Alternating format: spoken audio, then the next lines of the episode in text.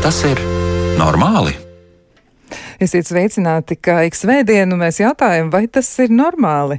Vai tas ir normāli, ka dažreiz ir ļoti grūti mainīt kādu ieradumu, kaut arī mēs to ļoti, ļoti vēlētos. Citreiz mūsos pamost trauksmi par pašu veselības stāvokli, un mēs sākam raizēties par to, kas tad īsti notiek. Un pat tad, ja mums apsāpas galva, mēs mēģinām izmantot gandrīz vai visus izmeklējumus, kas ir iespējami, lai noskaidrotu, kas tad īsti tur notiek, jo satraukums ir pārāk liels. Un vai tas ir normāli, ja mēs tā rīkojamies? Uz šiem un arī citiem jautājumiem jautājumiem mēģina atbildēt veselības psiholoģija, mēģināsim atbildēt arī mēs šovakar, proti vairāk par veselības uzvedību, veselības izpratni, veselības psiholoģiju kā tādu. Nu, ļoti daudz lietas mēģināsim izpētīt, un eh, tas ir arī pašos pamatos, nu, mūsu sarunas galvenais temats. Studijā Kristiāna Lapiņa pie skaņpults šovakar Kristaps Seida, un uzreiz iepazīstināšu arī ar rēdījumu viešņām. Pie mums ir virtuālā veidā, jo esam sazvanījušās ar psiholoģi, psiholoģijas doktoru Inesēlu Siņu. Sveicināta! Labvakar. Un vēl esam arī uh, sazvanījušies ar praktizējošu psiholoģiju Rīgas Stradiņu Universitātes veselības psiholoģijas un pedagoģijas katedras docētāju Zani Gulbi. Sveicināt! Sveicināt! Nu, tad pirmais jautājums man būs šoreiz Zanai Gulbei. Sākšu ar Zani un uh, uzdošu jums jautājumu. Nu, tā teikt, pavisam konkrēti, varbūt jūs arī varat mēģināt raksturot, kas tad ir veselības psiholoģija, jo cilvēki jau daudz uzdod šos jautājumus, kas tad ir tas un, un viens un otrs un trešais virziens, nu kas ir tieši veselības psiholoģija? Varbūt jūs varat raksturot, ar ko tad veselības psiholoģija nodarbojas?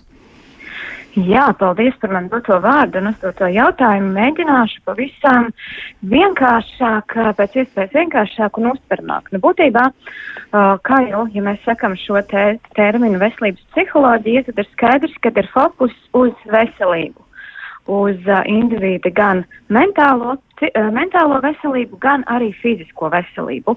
Un būtībā veselības psiholoģija ir zinātne, par to, kā palīdzēt individam, gan tad, kad ir tiešām jau esoša saslimšana, slimība, grūtības, gan arī, protams, strādājot preventatīvi, fokusējoties uz veselību, lai potenciāli pēc tam neiestātos kādas sekas uz individu veselību. Un, protams, ka uh, tā ir arī psihoizglītošana uh, gan individam, gan sabiedrībai uh, par to, kādēļ pievērst uzmanību gan savai mentālajai, gan fiziskajai veselībai ir nozīmīgi, uh, kas tad uh, vispār ir tie signāli, kas uh, mūsu ķermenī uh, rāda uh, liecina par to, ka iespējams mums būtu kaut kas jāmaina uh, savā dzīves uztverē, pieejā, uh, savās ikdienas gaitās un darbībās, un uh, līdz ar to tad arī par to, uh, kā uh, savā ikdienā ieviest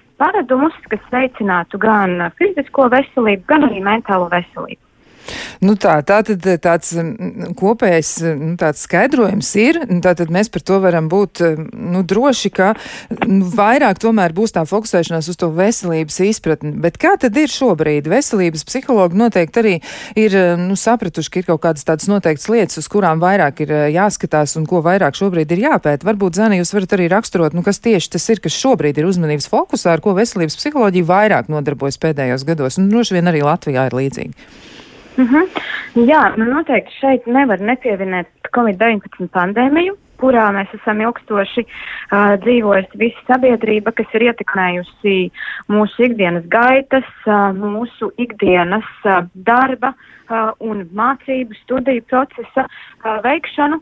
Tātad vairāk uh, mēs esam palikuši mazāk aktīvi, mazāk sociāli. Protams, tagad mēs uh, varam būt pateicīgi par to, ka šobrīd uh, Uh, respektīvi, šobrīd jā, mēs uh, jau drīkstam doties sabiedrībā un apmeklēt uh, publiskus pasākumus, uh, izklaides uh, vietas, bet ja mēs atsaucamies uz to uh, situāciju, ar ko tad saskārās uh, cilvēki pandēmijas laikā un kādas ir pandēmijas, uh, kāda ir bijusi pandēmijas ietekme uz uh, sabiedrību, uh, tad būtībā gan fiziska, gan arī mentāla. Proti, fiziska tajā aspektā, ka mēs bijām spiesti palikt vairāk mājās, vairāk pavadīt laika sēžot, gan veicot savus darba pienākumus, gan arī studiju procesu, izglītības procesu, un līdz ar to tas paredz to, ka mēs palikām mazāk kustīgi, mazāk aktīvi, un tas ir iespējams arī šobrīd, kas varētu būt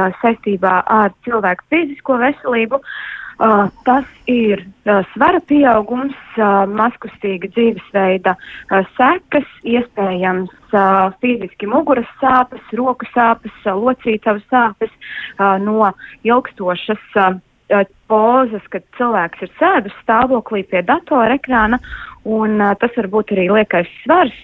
Uh, tajā pašā laikā, ja mēs skatāmies uz mentālo veselību, uh, tad tā sabiedrības daļa un indivīds, kurš pēc dabas ir ļoti izteikts, sociāli aktīvs, kuram ir nepieciešama sabiedrība apkārt, uh, socializācija, uh, darba kolēģu satikšana, kas uh, esot attālināti bija iespējams tikai virtuāli, uh, tieši saistas sanāksmēs, bet ne tāda, um, tāda koleģiāla ikdienas parunāšanās ne tikai par darbu, bet arī par kādām citām lietām, kas palīdz nedaudz atslēgties no darba. Tas tātad izpalika.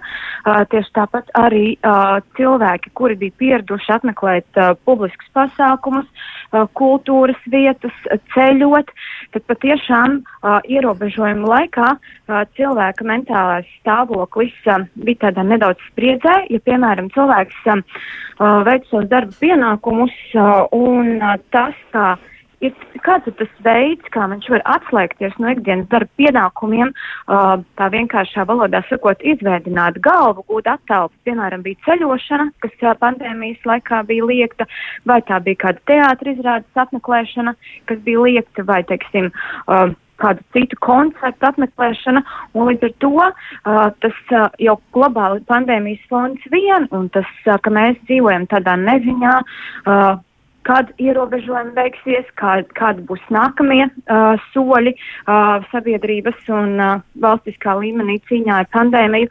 Cilvēki dzīvē neziņā, un tas jau vien radīja, prātam, uh, tādu mentālo spriedzi. Uh, paaugstināt trauksmes līmeni, tajā pašā laikā arī paaugstināt stresu, uh, kas varēja rezultēties, un zinot arī no kolēģu, pier, ne, kolēģu jā, pieredzes un arī klientu pieredzes, uh, miega kvalitāte, tātad uh, grūtības iemigt uh, vai mošanās augš, augšā naktī, uh, nespēja atkārtoti aizmigt, tātad uh, miega traucējumi sāk parādīties. Un šis pats arī uh, man pieminētā trauksmainība, uh, paaugstināts stress, arī notika ar sabiedrību, ar cilvēkiem tajā brīdī, kad uh, ierobežojumi tika mazināti, kad no attālinātajām mācību procesa un studiju procesa bija jāatgriežas klātienē, tieši tāpat no attālināto darbu pienākumu veikšanas bija jāatgriežas klātienē, tad arī uh, cilvēkiem bija tāda sociālā trauksme uh, par to, ka nepieciešams atkal mainīt tos savus paradumus, jo bija jau palicis diezgan ērti strādāt no mājām, studēt vai mācīties no mājām, un nu, man atkal ir nepieciešams socializēties, un šo es arī ļoti jūtu ar jauniešiem, ar jauniešiem, kuriem ir sociālā trauksme, vai ar jauniešiem, kuri ir ļoti introverti, uh, vai izvēlas tiešām pēc iespējas mazāk komunicēt, tad uh, tas bija tiešām tāda apgrūtinājums jau pat iepriekšējā vakarā, uh, sirds klauves un domas par to, ka man rītdienā ir jāiet uh, klātienē vai uz studijām, vai uz skolu, vai savukārt uz darbu. Tā kā šī sociālā trauksme arī šobrīd ir sabiedrībā klātesoša. Es, protams, ka nesaku, ka uz visu sabiedrību tas ir attiecināms, bet tā uh, globāli iezīmējot un rezumējot, tātad par fizisko tās ir uh, muguras iespējams, sāpes, uh, rokas, roku sāpes, locītavas sāpes, svara pieaugums uh, no maskastīgi, uh, visas citas ar maskastīgu dzīvesveidu saistītās sekas. Un, ja mentāli, jā, tad uh, miega traucējums, sociālā trauksme, kā arī trauksme tad, kad nebija iespējams socializēties. Jā, nu tā tad diezgan daudz visādi nelaimju, kā saka, viss vis vienā kaudzē sakrits mums virsū un diezgan daudz ir visādi problēma jārisina, bet, eh, nu, gribu jautāt arī mm, Inesai Elsiņai, nu, kas ir no jūsu prakses, ko jūs ievērojāt, ja reiz mēs pieskārāmies pandēmijai un pandēmijas situācija noteikti veselības psiholoģija analizē sīk un smalk un mēģina saprast, nu, kādas tad sekas ir un arī kam ir jāpievērš uzmanība. Mm, varbūt arī jūsu praksē ir, eh, nu, kas tāds, kas ir ļoti, ļoti īpaši iezīmējies eh, un kas ir atšķirīgs nekā tas bija varbūt pirms diviem vai trim gadiem? Mm -hmm. Jā, tas, ko es esmu pamanījusi, ir nu, tādas uh, divas tendences. Viens, kā pandēmijas laikā, nu, tas ir tā, absolūti tāds subjektīvs uh, novērojums, bet arī esmu lasījusi arī pēdējā laikā arī pētījumus, kur arī procentuāli aprēķina, cik ir uh, cēlušies arī mentālās veselības grūtību, nu, tie rādītāji. Uh, pasaulē viņi ir lēšami aptuveni 26% depresija un 27% trauksmei. Latvijā burtiski vakar laikam bija pamanījis arī ziņu, ka sāk, sāk, sāk um, kā pētīt un skatīties, cik arī nu, celšies šīs uh, mentālās veselības grūtību rādītāji. Un uh, tas, ko es novēroju arī praksē, ka uh, cilvēki vēršas ar vien vairāk un vairāk ar depresijas, trauksmes rādītājiem. Un uh, depresija, nu, kā mēs zinām, veselības psiholoģija saista gan fizisko, gan uh, psiholoģisko, gan sociālo kontekstu, vai ne? Un, uh, un mēs, protams, saprotam, ka būšana mājās un, uh, un, uh, un varbūt maskustība, par ko arī kolēģi Zana ir minējusi, gan daudzi citi faktori ir uh, veicinājuši to, iespējams, ka šie depresijas rādītāji ir auguši, protams, tur arī tā neziņa un, un no satraukums un viss kaut kas cits. Un uh, tā kā, jā, tas ir paradoxāli, ka, nu, ka tieši cilvēki, kuriem kā, nu, kādreiz ir sūdzējušies jābrauc uz darbu un agri jāceļās un, un viss kaut kas jādara un dzīve tik steidzīga un viņi uh, iesēdējušies mājās un, un tad vēršas pie psihologa, psihoterapeita pēc, pēc tieši pēc palīdzības, jo ir celšies depresijas rādītāji vai vispār parādīsies depresija, kas agrāk vispār nav bijusi.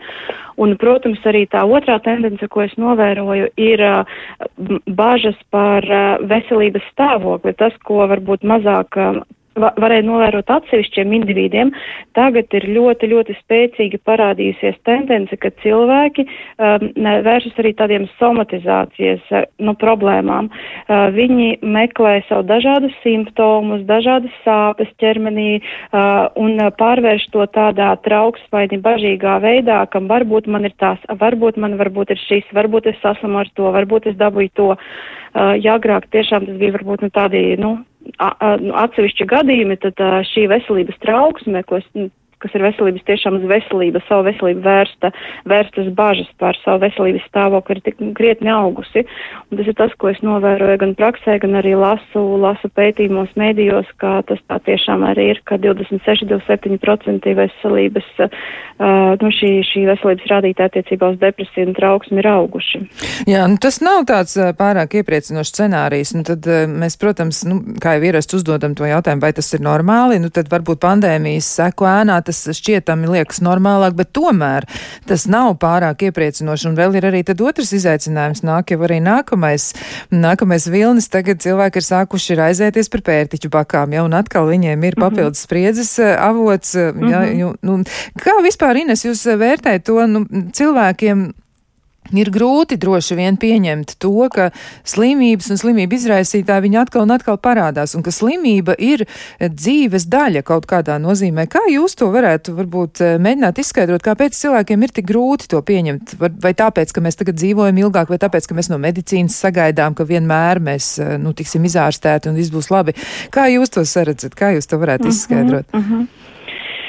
Nu jā, jā, pirmkārt, protams, ka mēs psiholoģijā ļoti, ļoti cieši lūkojamies uz personību. Kāda vispār ir personība? Un ja personība pēc būtības pat ir trauksmēna, mēs personības, nu tā kā ir dažādi personības šķautnes, personības nu, īpatnības, īpašības, un ja personība ir trauksmēna pati par sevi, tad, protams, šis laiks dod papildus spriedzi, papildus spiedienu. Uh, Ja personība ir neirotiska, mēs ar neirotisku mēs saprotam to, ka personība tiešām ir vairāk tāda bažīga, trauksmēna, nu, tā kā tāda uz, stre, uz stresu reaģē krietni vieglāk, varbūt redz vairāk grūtību, šķēršļu un uh, dažādu draudu nekā, nekā varbūt tā personība, kas ir tāda vairāk, uh, nu, tā lī, līdzsvarotāka. Līdz ar to daudz nosaka personība un, protams, tie cilvēki, kuri ir, uh, kuri ir trauksmēni, kuri ir uh, bažīgi, kur ir raizīgi. Protams, ka šis laiks viņam uzliek papildus spiedienu. Tāpat personības, kuriem varbūt ir bija, bija raksturīgas un tādas obsesija kompulsīvas iezīmes, tā kā vairāk pastiprināta tāda vērība dažādiem tur mikrobiem, tīrības dažādām pakāpēm kārtībā un tā, nu, tādām, tādām iezīmēm. Ja ir tādas personības īpatnības jau ir iepriekš bijušas, tad, protams, ka šis laiks liek pastiprināta vērība, vai es tur iepaskaršos, vai ar mani kaut kas notiks. Ja es tur nenomazgāšu, nemazgāšu, nenotīrīšu kārtīgi, atkal ar mani kaut kas notiks. Tā kā, nu, cieši lūkojamies personības virzienā. Otrs, protams, ir jāsaka arī mūsu laikmeta iezīme mēdījiem, jo, jo mēs piekļūstam pie ļoti daudz informācijas, ļoti daudz. Un šī informācija ir brīžiem pretrunīga, brīžiem daudzslāņaina, brīžiem ļoti intensīva. Mēs redzam, ka Covid laikā viņa ir bijusi ļoti intensīva, ļoti spēcīga, ļoti, ļoti, ļoti tāda spiediena izraisoša. Un, protams, tas rada papildu vēl spriedzi un spiedienu šim individam, kurš dzīvo šajā laikā.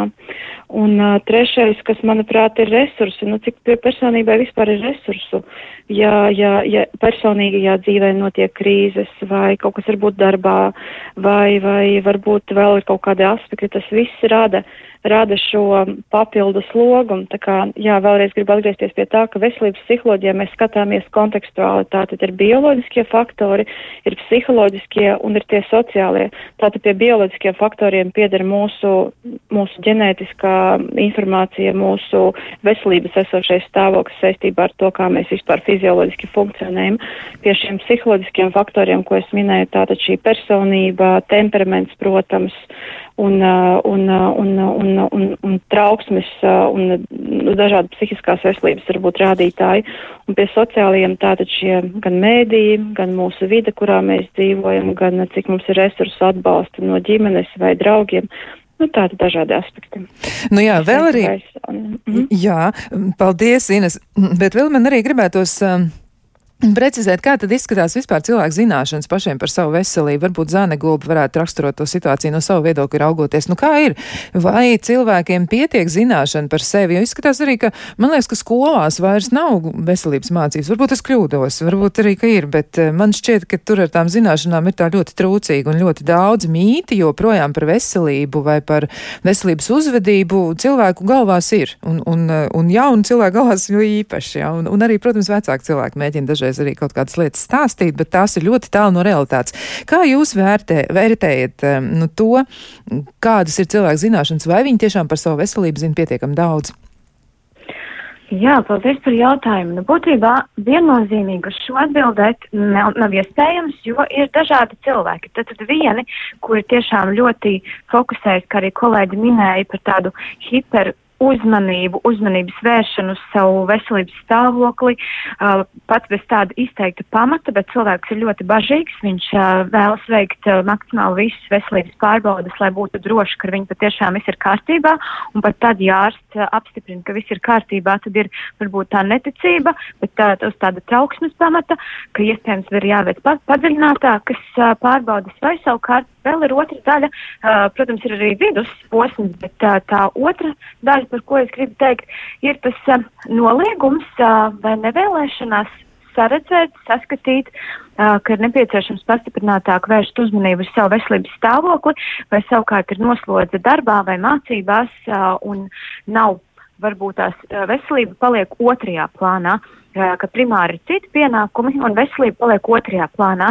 Bet katrā ziņā mēģinot tomēr atbildēt tā precīzāk uz jūsu jautājumu, tad tas arī būs tikai tāds mans subjektīvais viedoklis, ka sabiedrībā tomēr būtu vēl vairāk jāveic šis izglītojošais darbs, lai sabiedrība būtu informētāka par veselību, par tātad šiem te uh, simptomiem, simptomātikas signāliem, ko mums raida mūsu ķermenis, ka mums būtu jāapstājas un jāsāk pievērst pastiprinātāku uzmanību savai veselībai.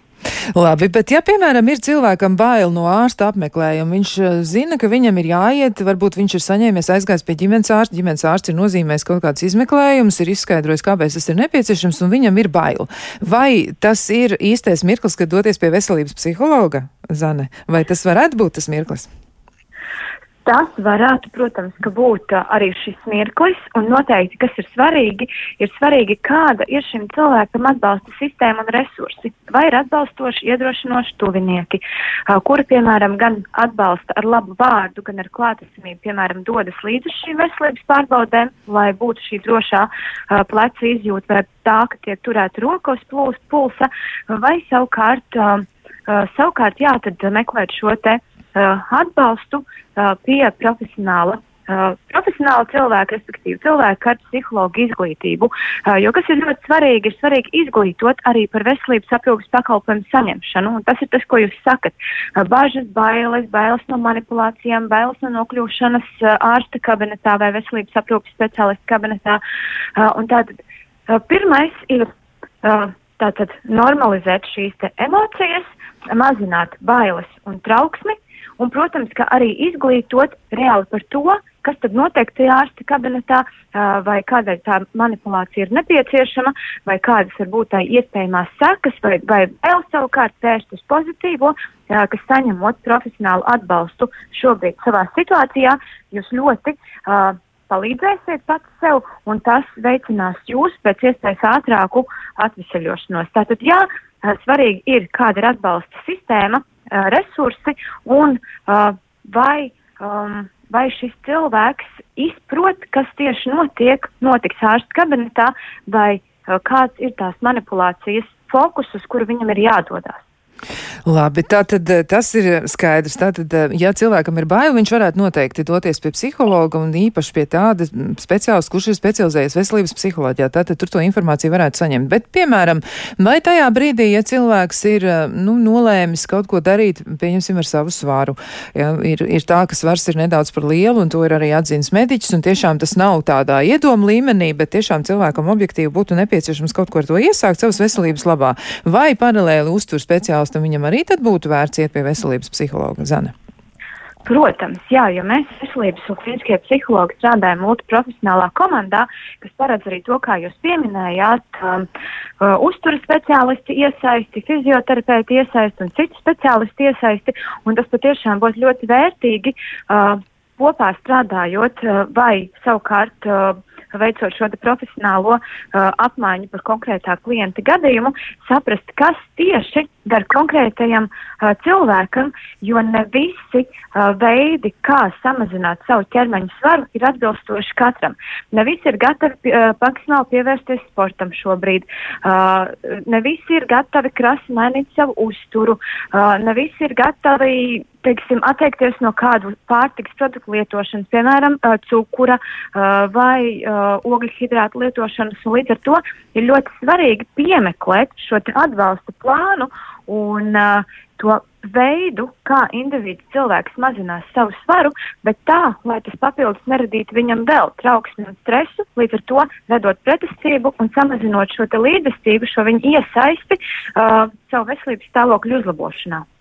Jā, nu vēl es arī atradu, ka veselības eh, psihologu darbības aprakstā ir nu, laikam visur, kur es vien skatījos, lai salīdzinātu šo informāciju. Nu, tur ir arī tā, ka veselības psihologi parasti tiek aicināti arī dažādu veselības pakalpojumu izvērtēšanā, cik tad tie ir atbilstoši vai cik tie ir, nu, varbūt pieejami vai vēl kaut kas par to ir sakāms. Varbūt, Zani, jūs vēl varat arī mazdrusiņi raksturot, ko tieši nozīmē veselības psihologa līdzdalība tieši medicīnas un veselības aprūpas pakalpojumu izvērtēšanā. Kas tieši tas varētu būt?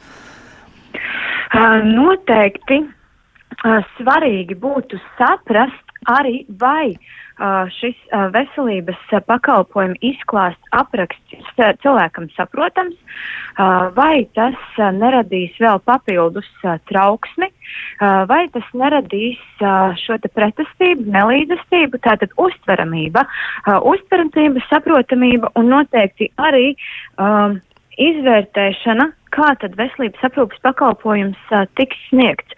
Vai es atbildēju, vai kaut kur es pati nedaudz pazaudēju to fokusu precizējumā? Man liekas, ka ļoti, ļoti precīzi jūs pateicāt, jā, jo tas varētu tā būt, nu, ja cilvēkam uzraksta, piemēram, bukletu, ko viņš var saņemt poliklinikā vai ārstniecības iestādē kādā ja stacionārā vai ambulatorijā iestādē, un tur ir uzrakstīts, nu, tāds teksts, kas tiešām sabiedē cilvēku, tad varbūt, ka tur tas veselības psihologs nav bijis iesaistīts, un informācija tiešām tad ļoti skarbi labi pasniegt, un cilvēks var arī sabīties no tā, kas tur ir uzrakstīts.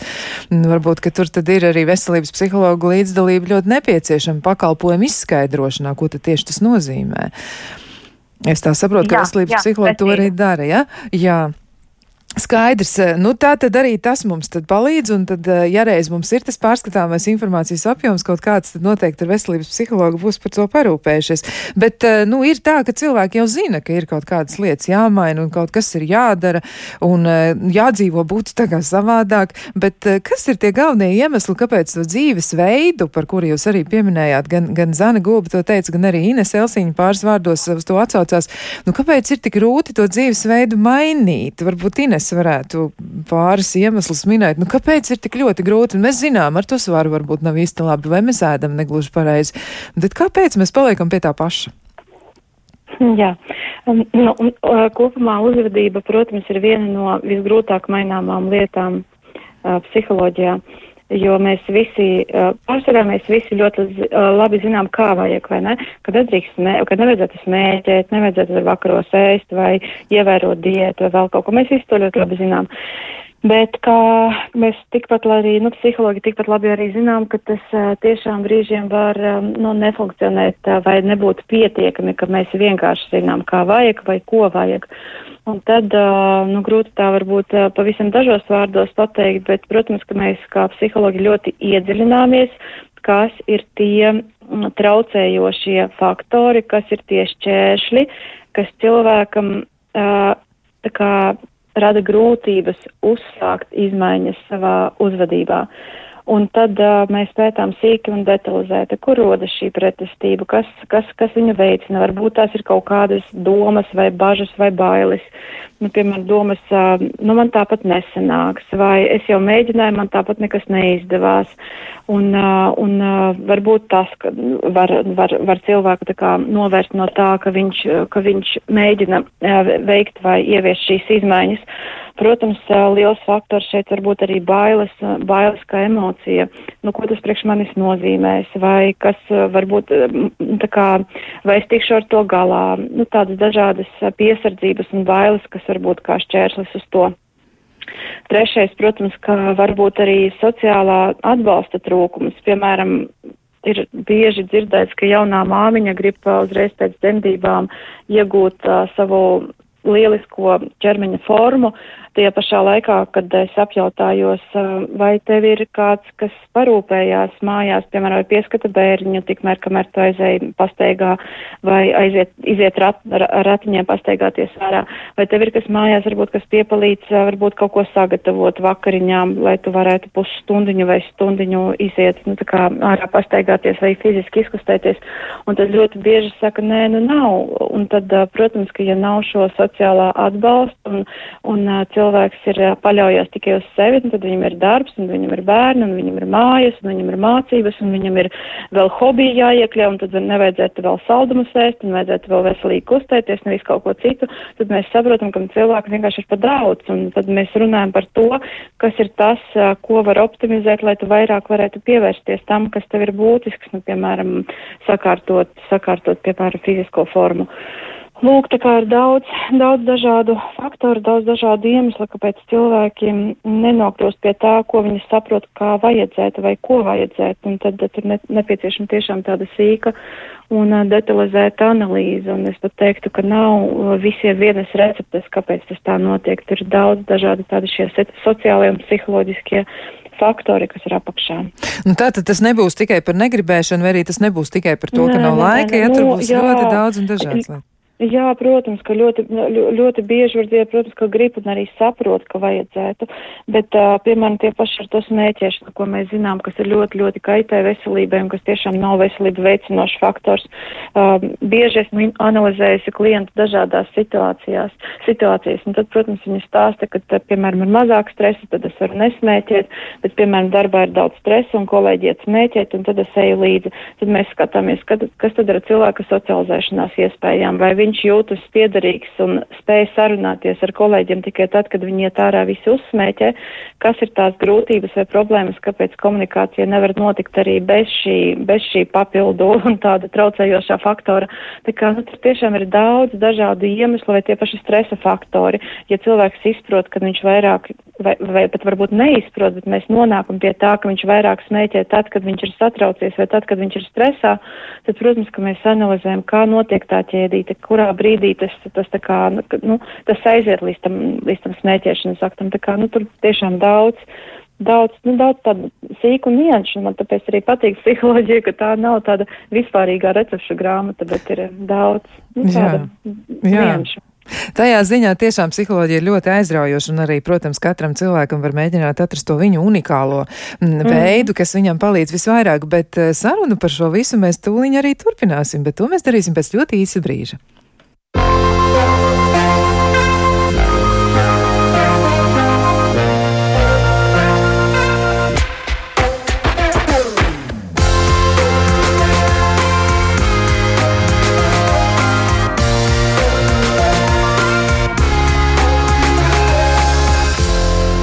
Vai tas ir normāli?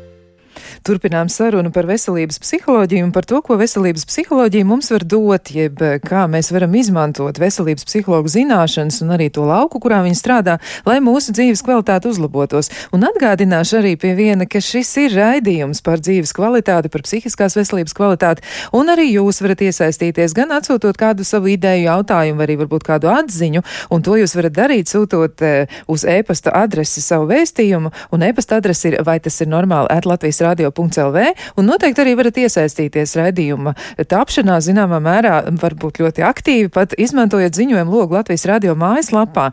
Un arī tur, tad, ja jūs atsūtat savu ziņu, tad mēs noteikti to redzēsim un varam arī uzreiz varbūt pievērsties tās analīzē, ja nu tas ir nepieciešams. Bet, um, Atgādināšu arī, ka šodien ar, par veselības psiholoģijas jautājumiem mēs runājam ar psiholoģi, psiholoģijas doktoru Ines Elsiņu un arī ar psiholoģi Rīgas Stradiņu Universitātes veselības psiholoģijas un pedagoģijas katedras docētāju Zani Gulbi.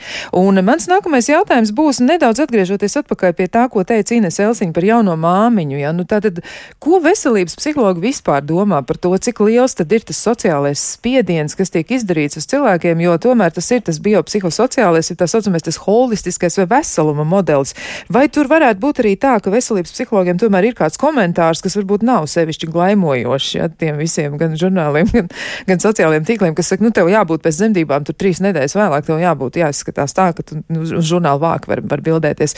Vai tas ir. Um, Nu, kaut kādā veidā no jūsu puses arī komentējums. Ko jūs par to domājat? Varbūt vispirms uz šo jautājumu varētu atbildēt Ines Elsiņa un tad arī Zana Gulbe, ja par sociālo spiedienu un veselības pārādumiem vai attieksmi pret veselību kopumā.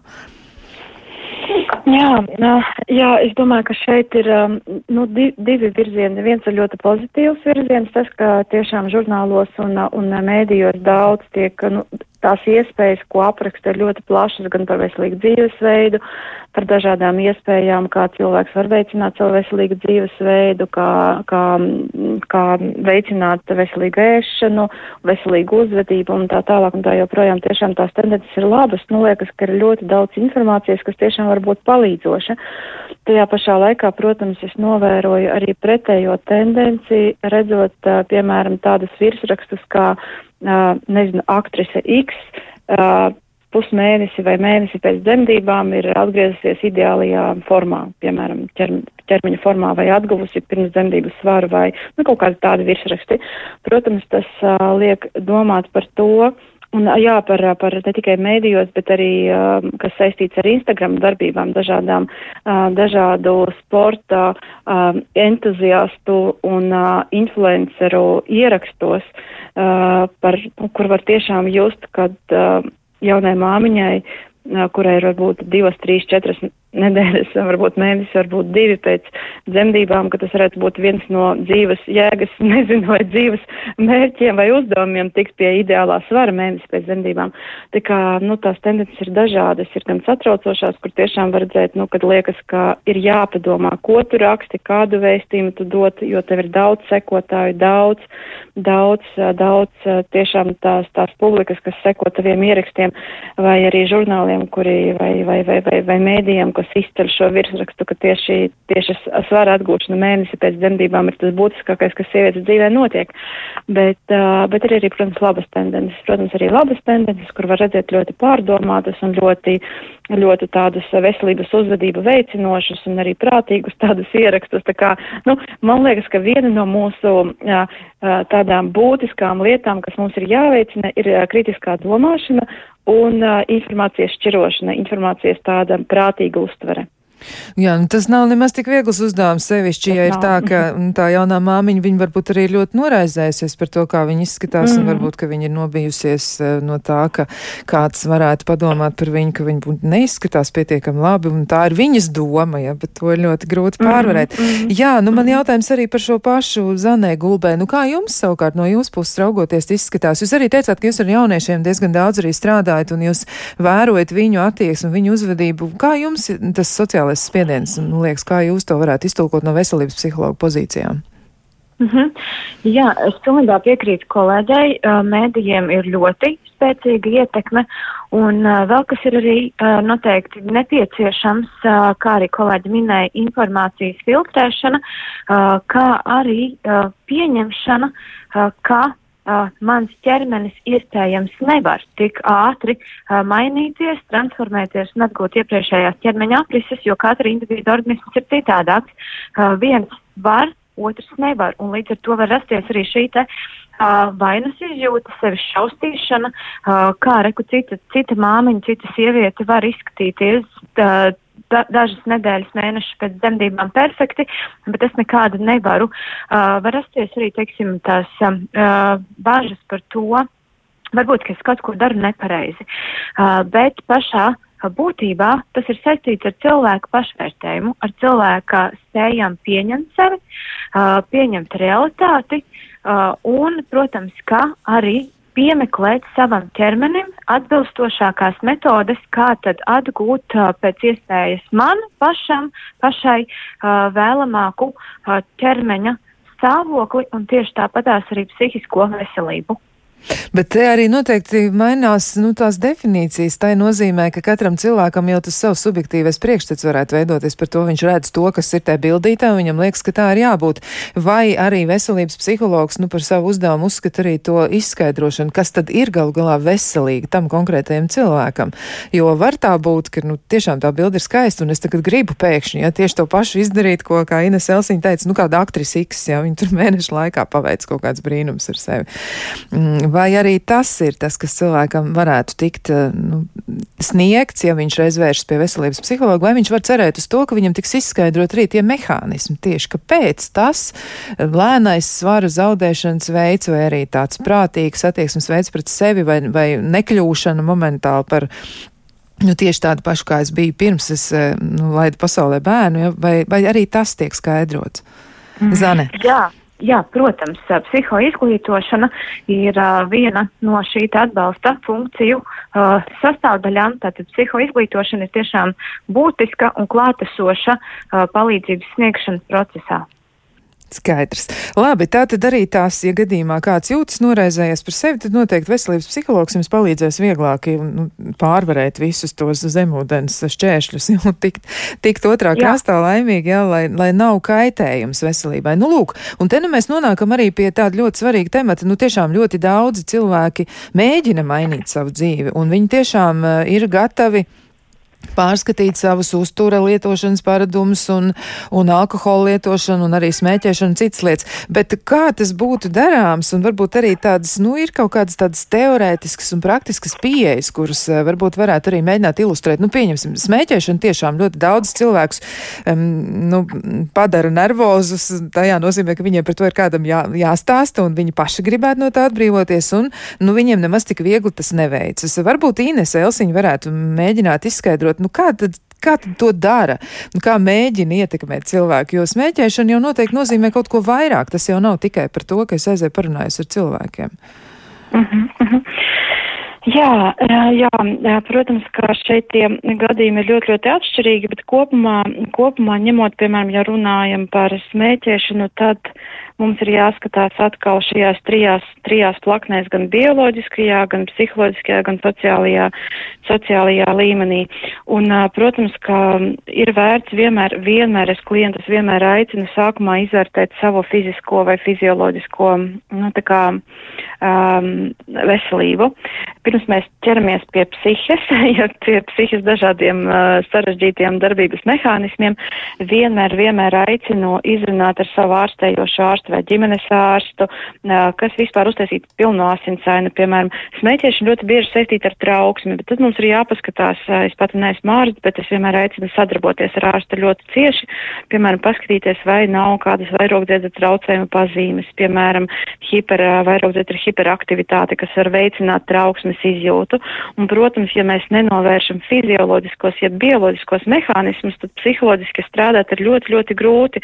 Tas kā cīņa ar vēdzinavām, tu psiholoģiski mēģina izzināt un saprast, kas tur īsti notiek, kāpēc notiek, bet cilvēkam ir tik vienkārši sarežģīti, bet ir uh, kaut kādas veselības problēmas, kas veicina, piemēram, trauksmi, kaut vai šis pats, vai šī pati vairogdzēdzera hiperfunkcija.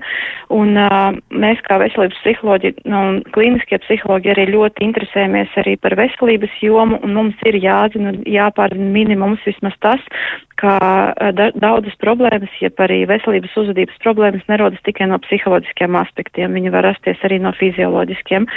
Mm, uh, līdz ar to ļoti rekomendēju un iesaku vienmēr sākt ar tādu pilnu veselības stāvokļa izzināšanu par, par, par mm, kā, nu, ko tad ārsts pats rekomendēs, kas tur jāizdara, lai, lai saprastu varbūt detalizētāk, kādi izmeklējumi ir jāveic. Tad, protams, kā ja mēs runājam par smēķēšanu, tad mēs skatāmies arī tos psiholoģiskos um, faktorus, um, pētām, kas tad notiek ar cilvēka, uh, cilvēka stresa līmenī, kā viņš pārvar stresu, kāda ir viņa, vai viņa vispār rīcībā ir kādi coping, jeb tādi tikšanas galā mehānismi, kā, kā viņš tiek galā ar stresu, vai cilvēks vispār zina, kas viņam rada stresu, kāpēc viņam tas rada stresu, kādās, kāpēc viņš reaģē tieši tieši uz šo situāciju, vai tieši uz šo cilvēku, vai tieši uz šo citu cilvēku uzvedību ar stresa reakciju. Līdz ar to mēs ļoti detalizēti pētām, kas tad ir pamatā, jo smēķēšana ļoti bieži saistīta, man daudzi klienti stāsta ar, ar tādu trauksmainu, trauksmainību iekšējo. Un uh, līdz ar to cilvēkam var pastiprināt iekšējā spriedze, bažīgums, raizīgums, uh, un šī spriedze mums ir jāizpēta. Tad ar ko tad viņa ir saistīta, kāpēc viņa ir, un vai cilvēka rīcībā vispār ir kādi mehānismi, kā ar to tikt galā. Un tad, protams, mēs tad arī detalizēti skatāmies, kas ir tas, um, un mā, arī priek, nu, tā kā rādām priekšā un mācam, kas ir tie stresa pārvarēšanas mehānismi un tā tālāk. Un tā kā es pati strādāju arī kognitīvi behaviorālās terapijas virzienā, protams, ka mēs analizējam domu, emociju un uzvedības saikni un ķermeņa saikni, mm, kas viss veido šo uzvedību, piemēram, smēķēšanas, smēķēšanu. Skatāmies, kas ir bažīgās domas, kas, kas, kā, kādas emocijas tas rada, kā tas ietekmē ķermeni, kā tas ietekmē uzvedību. Tā kā, nu, daudz tādu detalizētu lietu. Un vēl, ko es minēju par, par, par smēķēšanu pirms smirkļa, protams, mēs pētām arī sociālo faktoru. Ja tu strādā darbā, kur ir, kur ir tā kā ierasts ik pa, ik pa, ik pa stundai vairāki darba kolēģi iet smēķēt un, un tevi sauc līdzi, tad, protams, ka tev ir ļoti, ļoti grūti m, mm, tikt galā ar šo grūtību.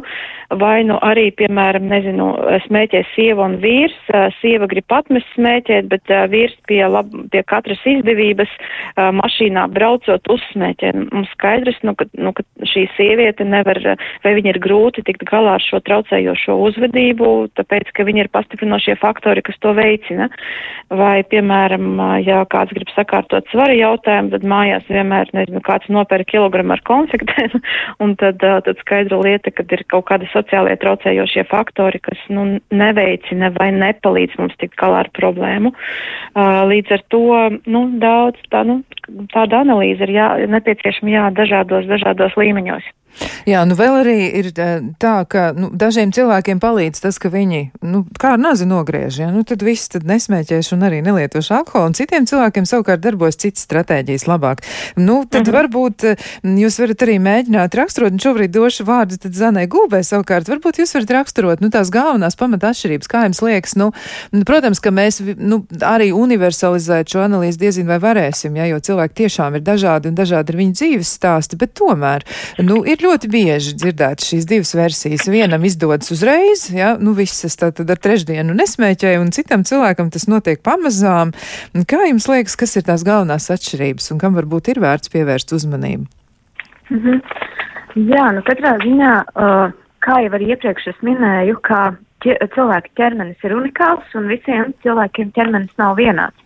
Uh, līdz ar to uh, arī tajos gadījumos, ja, piemēram, cilvēks ir mēģinājis uh, šo veidu pamazām, un tas nav strādājis, tad ir ļoti svarīgi izskaidrot arī uh, alternatīvu veidu. Varbūt tad mēģinam, nu tā uzreiz, kā jūs teicāt, nogriezt ar nazi. Bet tajā pašā laikā ļoti svarīgi, kā organisms uz to reaģēs. Kā viņš reaģēs, tad, kad viņam pēkšņi uh, vienā dienā viss stop salduma vairs nē, ogļhidrāti vairs nē, nikotīns vairs nē, alkohols vairs nē, līdz ar to kā uh, reaģēs viņa ķermenis, vai tas neradīs vēl papildus trauksmi un stresu. Un šeit arī noteikti būtu svarīgi uh, saprast, ko cilvēks un kā cilvēks, kā viņš būtu gatavs uh, mainīt šo veselības uzvedību. Nu tā, kā vienā dienā viss un nē, vai tomēr, tomēr pakāpeniski un, uh, un, un lēnā, lēnāk. Un vēl arī ļoti svarīgi iedrošināt, ja, piemēram, cilvēks saka, ka es esmu mēģinājis, bet man nav izdevies izzināt, kādā veidā viņš ir mēģinājis, ko viņš ir praktiski darījis, ko viņš ir praktiski centies mainīt vai ieviest savā veselības uzvedībā un uh, iedrošināt, ja tas nestrādāja, un mek, tad ir alternatīva veidi un meklēt kopā ar klientiem alternatīvas veidus, kā vēl cilvēks varētu pamēģināt un paskatīties, kurš tad no veidiem strādā. Jā, nu tā tad eh, tur arī tā tad būs nepieciešams sīkāk izpēta. Nu vēl viens jautājums, kuram vēl mēs maz drusciņi varam veltīt laiku, ir eh, nu, par zāļu lietošanu. Tas jau ir tajā brīdī, kad slimība ir vai arī reģistrēts kāds veselības traucējums, un izskatās, ka tas arī ir veselības psihologa kompetencē.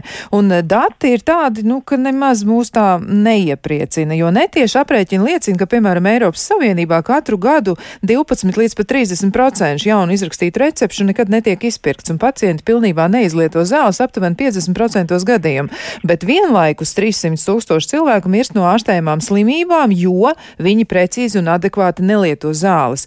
Kāds ir jūsu komentārs par šo? Varbūt es gan vienu, gan otru no jums varu aicināt izteikties par to, kāpēc cilvēki tad, ja tiešām jau ir reģistrēta kāda problēma un ir skaidrs zināms, kā vajadzētu rīkoties, kāpēc viņi tomēr to turpina nedarīt pareizi. Varbūt Zane Gulba sāk un tad Ines Elsiņa varētu piebilst. Mm -hmm. Jā, nu, tas varētu būt saistīts arī to, ar to, vispār, kāda vispār ir cilvēka nostāja. Jo sabiedrībā uh, ir šī divējādā uztvere.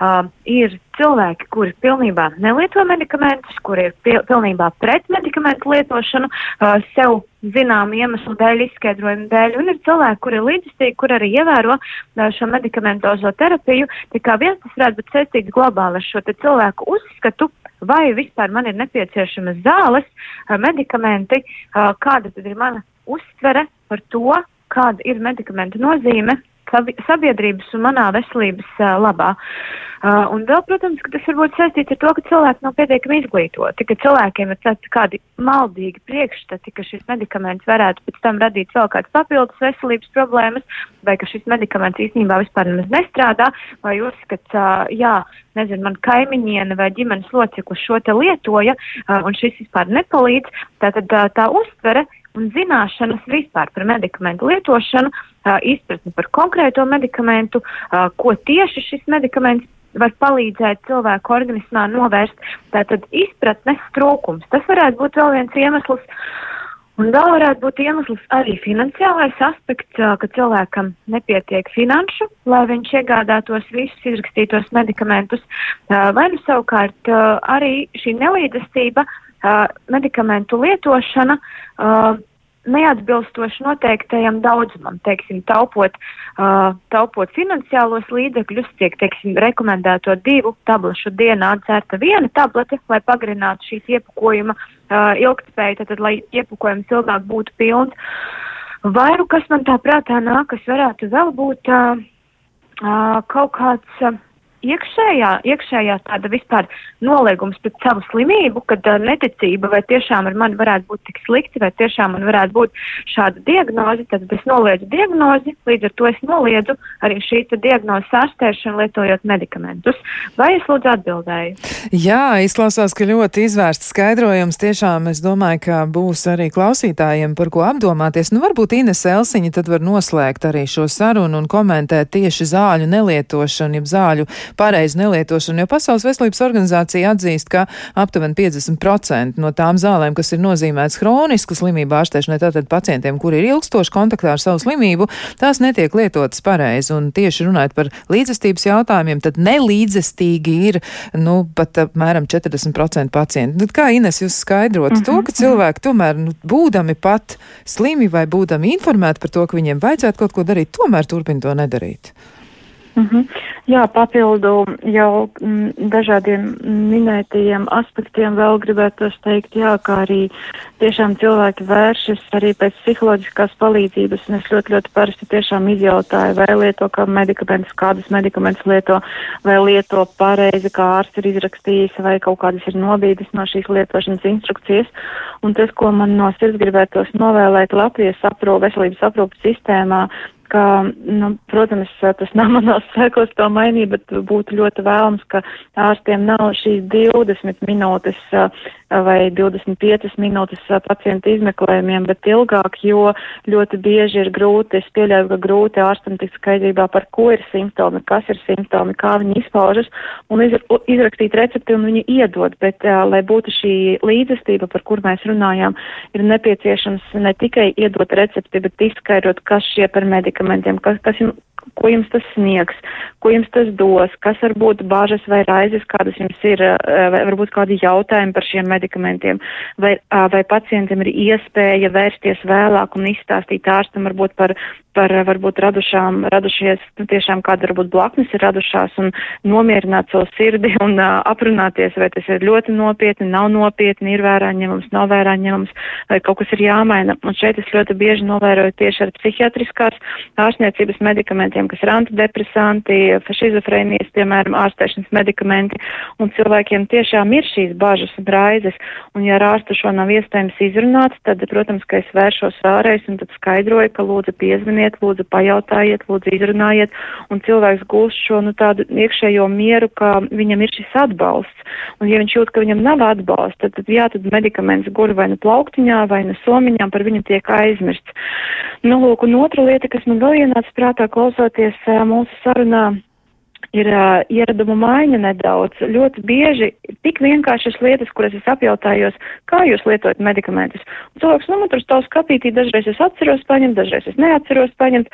Es saku, ziniet, uh, meklēsim veidus, kas jums palīdzēs uh, tā kā šos medikamentus ieraudzīt vai atcerēties par viņiem ātrāk. Nu, piemēram, kad jūs ejat no rīta zobus tīrīt, nu, atkarībā no tā, protams, ko ārsts ir izrakstījis, vai brokastu laikā vai pēc brokastīm, kur šie medikamenti var atrasties un kur viņi var būt mums parocīgā veidā, lai jūs tos redzētu, lai jūs, tos ap, lai jūs to atcerētos.